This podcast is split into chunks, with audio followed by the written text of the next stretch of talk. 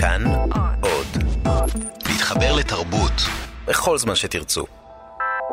המוח המפורסם בעולם היה מוחו של הנרי גוסטב מוליסון, שנודע גם כפציינט HM.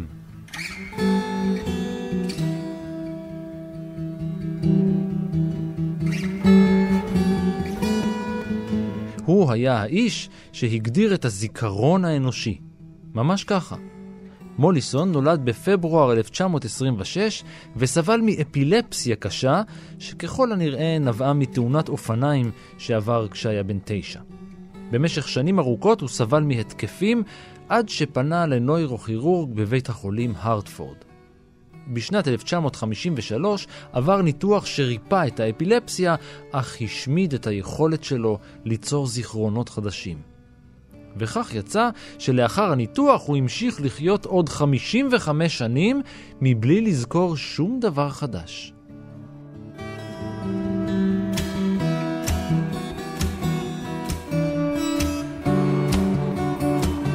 בשל כך, הקהילה המדעית לא הפסיקה לחקור אותו ואת מצבו.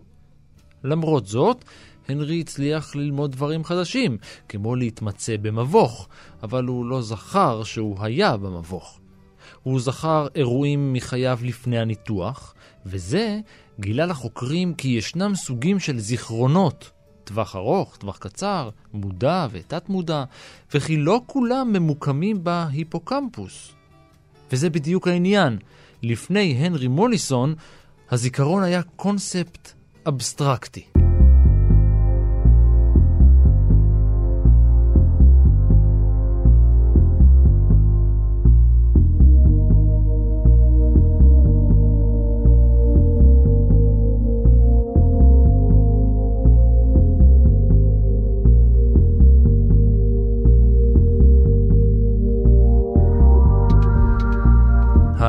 אני רן מנהר ואתם על מנהר הזמן. מדי פרק אנחנו מספרים לכם על מקרה שקרה בעבר מזווית שכנראה עוד לא הכרתם. הפעם נפגוש אדם יוצא דופן, שהדופן שלו הייתה פתוחה לכולם. היה לו פתח במרכז הגוף, דרכו ניתן היה להתבונן בתוכו.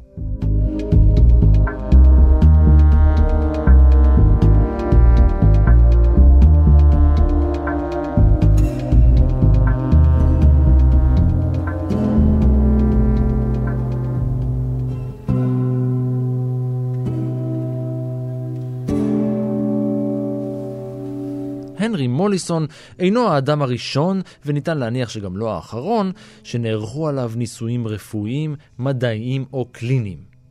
בשנת 1822, למשל, היה אלכסיס בידגן סן מרטן הקנדי בשוק הפרוות של מקינק איילנד שבמישיגן.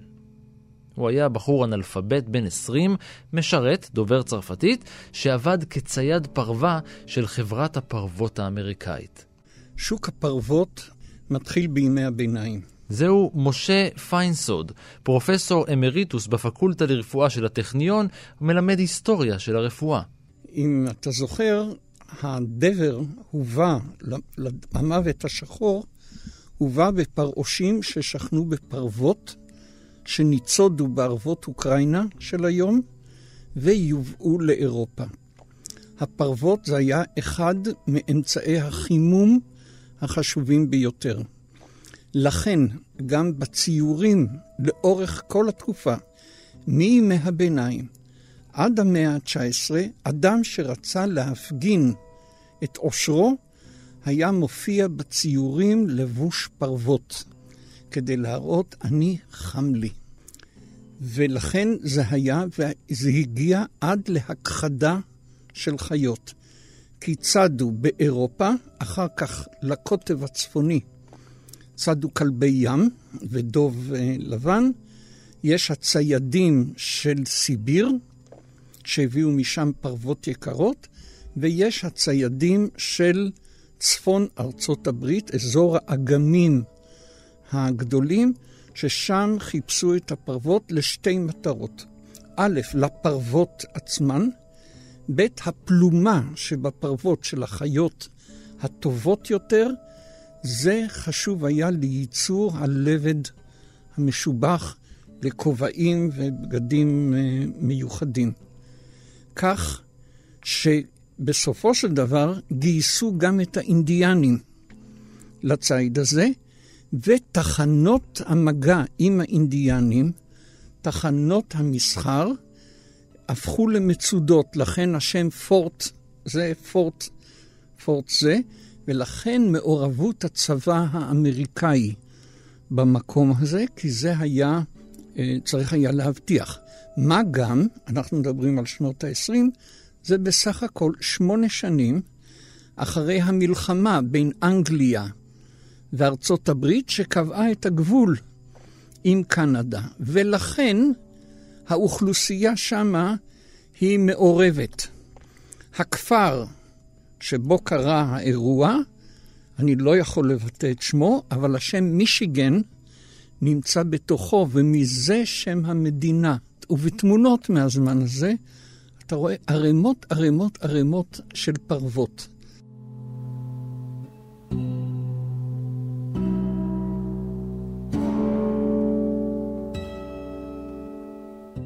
בשישה ביוני, בעודו עומד ליד הדוכן בשוק הפרוות, נשמעה ירייה ממש קרובה אליו. סן מרטן התמוטט. הוא נפגע אנושות מרובה מסקט, מטווח קצר, פחות ממטר. הוא נורה בבטנו על ידי חברו לציד.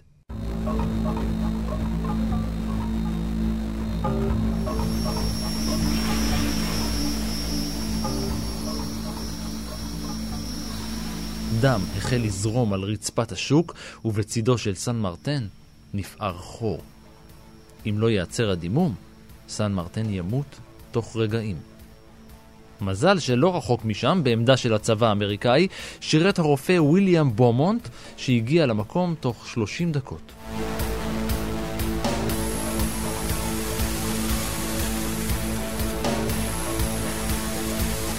כתוצאה מהירי, הוא אמר אחרי בדיקה ראשונית, נקרעו רקמות בגודל של אגרוף. חצי מהצלע השישית התרסק, הצלע החמישית נשברה, אונת הריאה השמאלית והשרעפת נחתכו והבטן נוקבה. אל חלל הבטן חדרו כדורי הרובה, חתיכות בד מבגדיו של סן מרטן, שברים מהצלע ורקמות. ברדק. נוסף על זאת, דוקטור בומונד גילה כי חלק מהריאה יצא מתוך הפצע, נקרע ונשרף, וקיבתו נוקבה ותכולתה נשפכה אל מחוץ לקרע בגופו. את זה הוא כותב אחרי שהוא גמר את הטיפול. כלומר, הוא כבר חכם לאחר מעשה. ברגע הראשון הוא רואה שם פציעה איומה ונוראה. מה שאמרת על הצלע זה נכון כי היא בלטה החוצה. והוא מבליט אותה עוד יותר, הוא, תכף נדבר מה הוא יודע ברפואה, הוא מבליט אותה יותר כדי לכרות את הקצה שלא יפצע את הריאה פציעה נוספת. יותר מלעשות את הדברים האלה. ולחבוש, אין לו מה לעשות, אז הוא מקיז דם.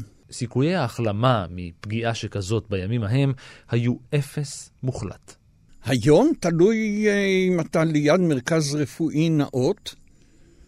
זה ניתוח קשה, זה ניתוח מסובך, אבל uh, צוות, צוות כירורגי מיומן, עם טיפול נמרץ, עם הרדמה, עם אירועים וכולי, מוציאים גם uh, בחיים מקרים קשים יותר. אבל אנחנו ב-1820, המושג של אירוי עוד לא קיים.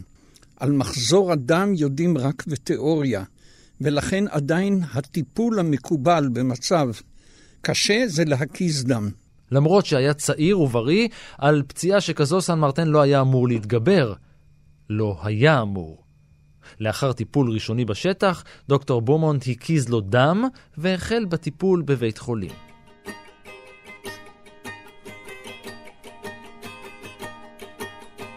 במשך 17 יום הוא עקב אחרי החולה האנוש. אבל החור בבטן של סן מרטן לא נסגר. החור לא אמור להיסגר. עכשיו, הוא לא יודע שהחור גם לא אמור להיסגר.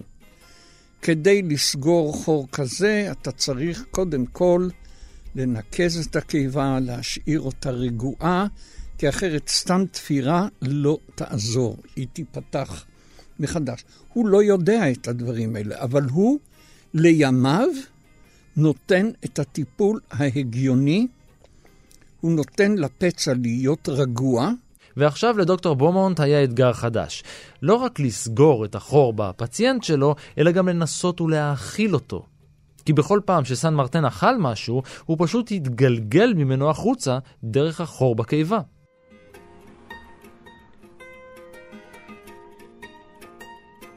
הזנה תוך ורידית הראשונה נעשתה בלונדון בזמן מגפת החולרה. באמצע המאה ה-19, אז דוקטור לטה מתחיל לתת טיפולים לווריד, וזה נעזב ונשכח כי אנשים עוד לא מבינים, הם יודעים רק שהדם נעשה בצבע יותר בהיר. אולם בימים של דוקטור בומונט, אינפוזיה לא הייתה קיימת. אז מה עושה רופא שחייב לתת לחולה שלו מזון, אבל הפתח העליון של מערכת העיכול לא יעיל? כן, אולי אתם לא רוצים לחשוב על זה, אבל זה בדיוק מה שעשה הרופא שלנו. המסקנה היחידה שלו הייתה שאם פתח המערכת העליון לא תקין, יש להחדיר חומרים מזינים אל המעי דרך הפתח התחתון. במשך שבועות הוא שמר על סן מרטן באמצעות חוקן עם חומרי הזנה.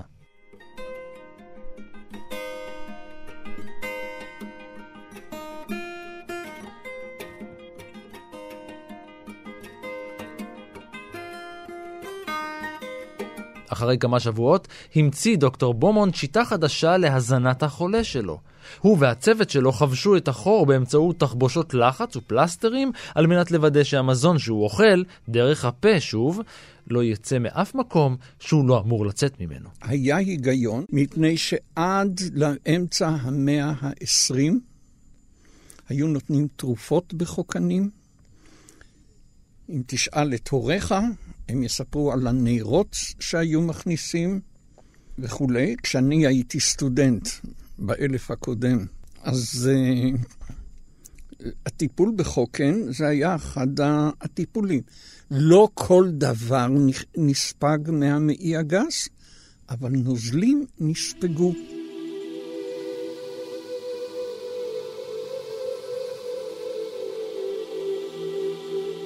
באורח פלא, בומונט ציין ברישומי המעקב שלו כי הבטן לא הראתה סימני רגישות חריגים, סן מרטן לא סבל מבחילות, ואחרי ארבעה שבועות התיאבון חזר לו, ומערכת העיכול עבדה כרגיל. אפילו היציאות שלו הפכו סדירות. מפני שבחור בקיבה שיצא החוצה, שהיה פתוח, נוצר מעין שסתום חד-כיווני. והוא מנע מנוזלים לצאת אם לא הייתה העמסה יותר מדי גדולה, ומערכת העיכול התחילה להעביר אה, חומר.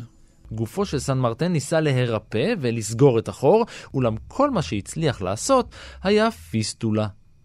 במילים אחרות, כשהפצע התאחה, הוא התאחה בצורה שונה מהרגיל.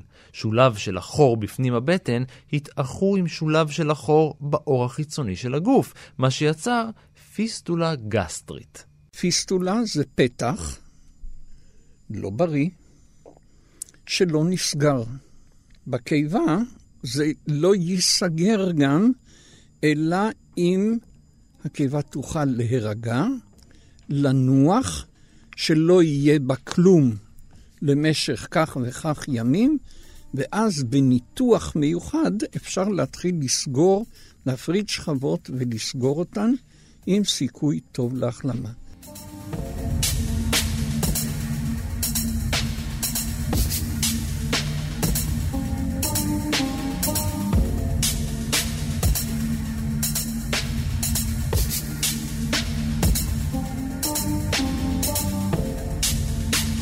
חמישה שבועות חלפו, והפצע החלים.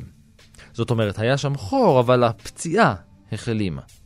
סן מרטן שרד פציעה קריטית. זה מזל ממוזל, אין כאן... ש... כי הוא לא הזדהם, כי רוב הפצועים באותה תקופה מתו מזיהום, אובדן דם וזיהום.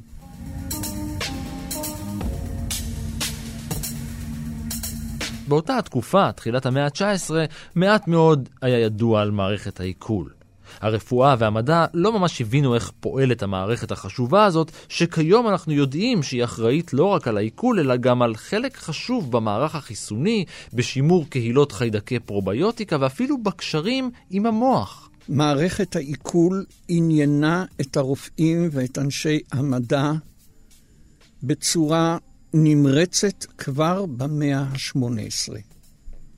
גדול החוקרים באותו זמן היה איטלקי מאוניברסיטת פביה שליד מילאנו, בשם ספלנצני. ספלנצני ידוע עד היום בשל המחקרים שלו במערכת הרבייה וגם במערכת העיכול. אלא מה? כל מה שספלנצני יכול היה אה, לתת זה מניסויים אקראיים בחיה.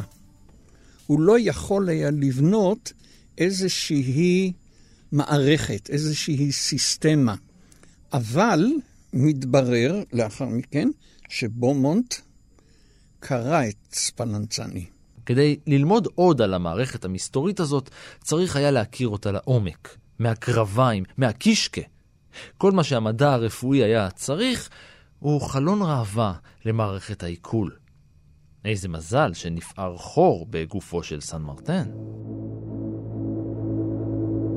סן מרטן היה בולע חתיכת מזון קשורה בחוט, ודוקטור בומונט פשוט הציץ פנימה לראות את מערכת העיכול בפעולה.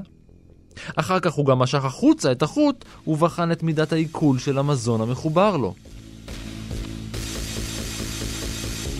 בומונט המשיך בניסוייו על סן מרטן עד 1833. במשך כמעט עשר שנים הוא ביצע בו למעלה מ-200 ניסויים. ניסויים בבן אדם. בומונט מחכה כמה שנים עד שהוא מתחיל את הניסויים שלו. וככל הנראה, הוא ניצל חלק מהשנים האלה ללימוד. כי הוא ידע מה הוא מחפש. לקח שלוש שנים שהוא לקח אחר כך את סן מרטן איתו כשהוא עבר לתחנה אחרת.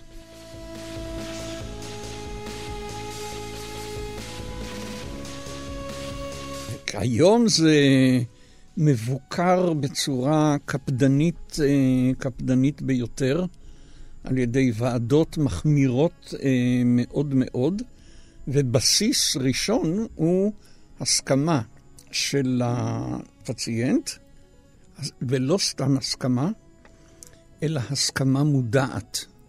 ולא סתם הסכמה מודעת, פעם היו עושים ניסויים באסירים. והאסירים רצו מאוד להשתתף בניסויים האלה. מדוע? כי אדם שנידון לשנים ארוכות מחפש כל דרך לגוון את חייו. כלומר, אסור לעשות היום ניסויים לאנשים במצוקה, כי זה ניצול של החולשה שלהם. זה נולד לבושתנו הגדולה במשפטי נירנברג, לא קודם. אלכסי סן מרטן הסכים לניסויים שנערכו בגופו. אבל אל תחשבו שהוא עשה זאת כדי לעזור לרופא לחקור ולקדם את המדע או כדי להודות לו על שהציל את חייו, ממש לא. כיוון שנפצע אנושות, חברת הפרווה האמריקאית הפסיקה את העסקתו. כיוון שלא הייתה לו עבודה, לא היה לו כסף. וכיוון שלא היה לו כסף, הוא לא שילם לבית החולים על הטיפול בו. ולכן הוא שוחרר.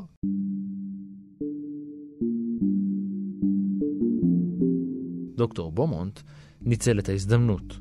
הוא אילץ את הפציינט האומלל לחתום על מסמך לפיו בתמורה למגורים ולשכר של פחות מ-3,000 דולר בשנה, הוא הפך למשרתו של הרופא.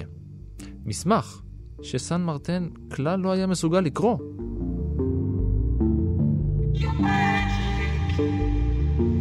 וכמשרת, הוא היה צריך לעבוד בביתו של הרופא וגם לעבור ניסויים רפואיים.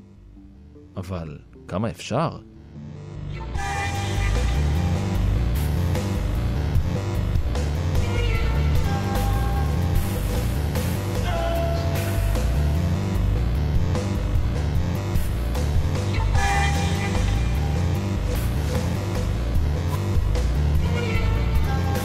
דוקטור ויליאם בומונט נולד בעיר לבנון שבקונטיקט. לבנון. כשהיה בן 21 עזב לניו יורק והפך למורה. כנראה שנמאסה עליו ההוראה ולכן הוא עבר לוורמונט והפך לתלמיד.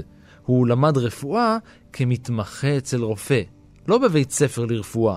בומונט נולד למשפחה דלת אמצעים, ולכן כשהוא רצה ללמוד רפואה, הוא לא יכול היה לממן לימודים באוניברסיטה. כן, ואז הוא הלך להיות שוליה, והשוליות הללו היו משלימים את הלימודים שלהם כהכנה לבחינות.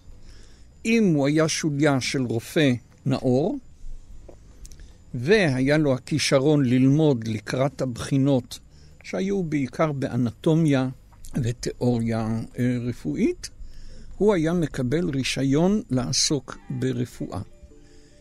האנשים האלה ידעו שסיכוייהם להשתלב במערך של הרפואה הציבורית הם קטנים.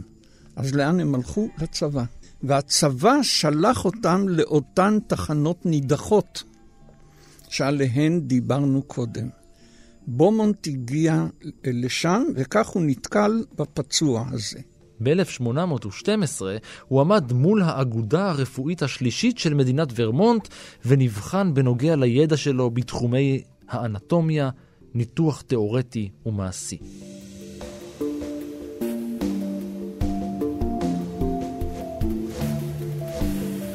הוועדה מצאה שהוא ראוי ובטוח דיו כדי להיות רופא. אז הוא נהיה רופא.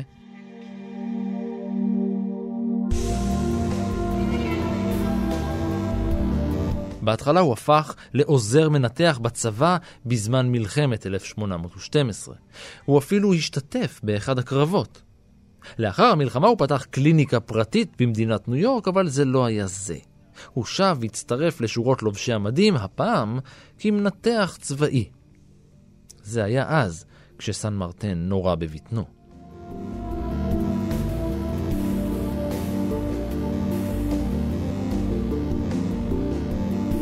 בשנת 1837 הפך בומונט לפרופסור מנתח במחלקה הרפואית של אוניברסיטת סנט לואיס. שנה לאחר מכן פרסם דוקטור בומונט את ממצאי הניסויים שלו בספר ניסויים ותצפיות במילצי קיבה ופיזיולוגיה של העיכול. מרבית ממצאיו היו מהפכניים. למשל, הוא הראה שירקות מתעכלים לאט יותר מאשר בשר, שחלב נקרש מוקדם מאוד בתהליך העיכול, ושכל התהליך עצמו מושפע מתנועת הנוזלים הסוערת בתוך המעיים. זו הייתה מהפכה של ממש. בומונט זכה לתואר אבי הגסטרואנטרולוגיה, אבי רפואת דרכי העיכול. ולהראות לך מה זו סקרנות מדעית. כשהפצע במצב יציב, מה הוא עושה? הוא תוקע את לשונו לתוך הפצע. הוא מציין שכשהקיבה רגועה, הטעם של מיץ הקיבה הוא אפילו מתקתק. אבל כשמגרים את הקיבה, זה מתחיל להיות חומצי. ואני חושב שזה ראוי לכל שם, הוא לא ידע על סכנות של זיהומים וכולי. הסקרנות האינטלקטואלית, ותכף לראות באיזה מצב זה כך, באיזה מצב זה אחרת. והוא קורא לאנשים לבוא להציץ לתוך הפצע, לראות איך הקיבה נאה. הוא היה זה שגילה שהחומצה המעכלת שמפרקת את המזון במערכת העיכול מופרשת על ידי דופן הקיבה. אני חושב שזה אבן דרך של ממש בתולדות, ה... בתולדות הרפואה. כמה אנשים כבר מתחילים כבר אז למחות על, אה, לא בפה מלא, אבל שואלים שאלות על האתיקה.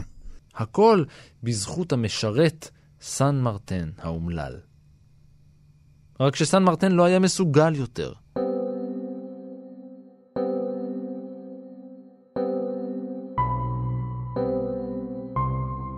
הוא הפר את החוזה מול הרופא, עזב לקנדה והקים בה בית ומשפחה. רגע לפני שהוא בורח לקנדה, מתברר, וכאן זו פרשה עלומה, שכמעט לא כתוב עליה, וזה יחסיו של בומונט עם קצין הרפואה הראשי של ארצות הברית, לא, ג'וזף לובל.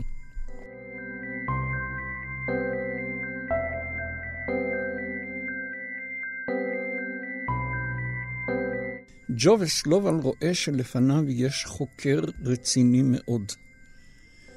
ולכן הוא מרבה לתת לו חופשות כדי שילמד, ואפילו מממן לו, כבר בשלב יותר מאוחר, נסיעה לאירופה, שהוא מביא יחד איתו דוגמאות של מיץ קיבה, כי אין עוד בארצות הברית מעבדות כימיות ראויות אבל מיצי הקיבה של סן מרטן מגיעים עד שוודיה, כדי לראות שזו באמת חומצת מלח שפועלת בתוך, ה... בתוך הקיבה. ואז הוא כותב את הספר שלו, אבל הוא כותב את הספר שכבר. יש לו עוד ידע מדהים. הוא רואה איך הפרשת מיץ הקיבה משתנה בזמן אירועים נפשיים. שים לב, על זה יקבל כעבור 80 שנה פבלוב את פרס נובל. אך דוקטור בומונט לא אמר נואש. הוא יצא למסע חיפוש אחרי הנסיין שלו, והשקיע הרבה מאוד כסף בחיפושים אחריו. הוא אפילו השתמש בחברת הפרווה, דרכה ניסה לשכנע את סן מרטן לחזור. הוא הציע לו שכר גבוה יותר, אדמות, תשלומים למשפחה שלו, הכל, כדי שיחזור אליו ואל הנישואים שלו.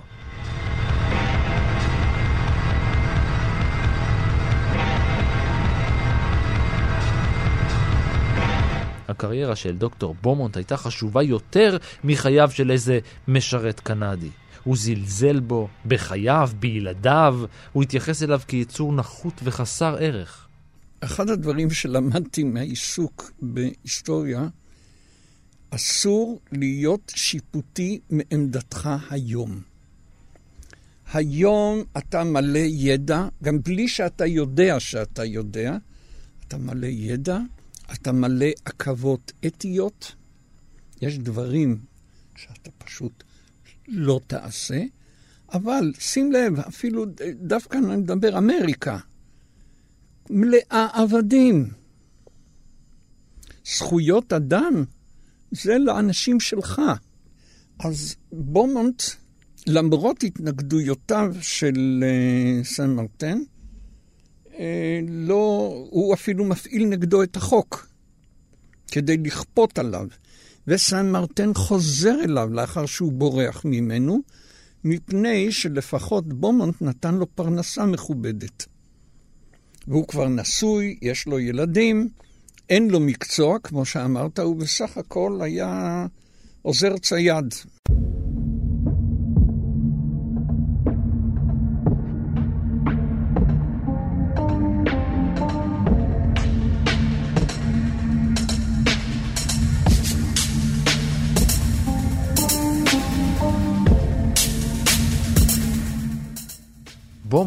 הלך לעולמו בשנת 1853 לאחר שהחליק על מדרגות מכוסות בקרח. סן מרטן חי עד גיל 78. הוא מת בשנת 1880 בבית חולים בקוויבק, ובני משפחתו המתינו עד שגופתו החלה להירקב לפני שקברו אותה במקום סודי. הם לא רצו שיערכו בו עוד ניסויים.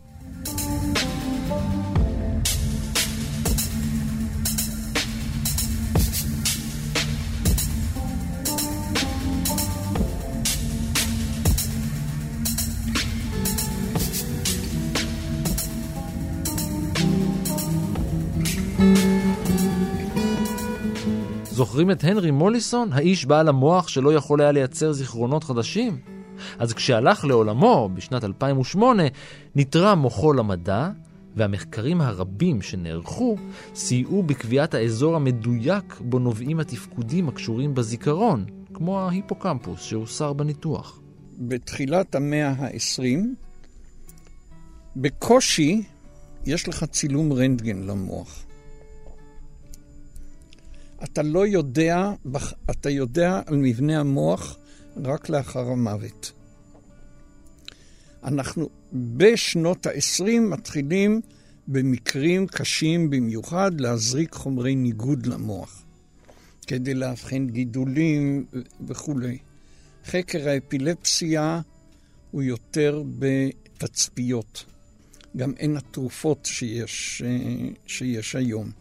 ו-CT, אתה יודע, זה רק שנות ה-70 אה, מתחיל, וכן הלאה. אז שוב אנחנו חוזרים לשאלה מה המקורות, מה, האם היה בפעילות במאה ה-19 אה, רמזים למחשבות מוקדמות על דברים שהתפתחו, האם אלה היו מנבאי דרך מסוימת. כמובן, שוב, השאלה הזו יש בה אי חוקיות מסוימת, מפני שאתה יודע כבר מה יצא. אתה יודע כבר מה קרה, אז אתה לא יכול להימנע מאיזושהי עמדה שיפוטית.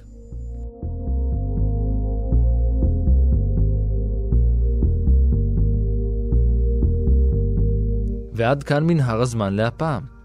תודה למשה פיינסוד, תודה גם לאור מנהר שעיכל ועיכל והיה על ההפקה, ולניר גורלי שסגר את החור והיה על העריכה.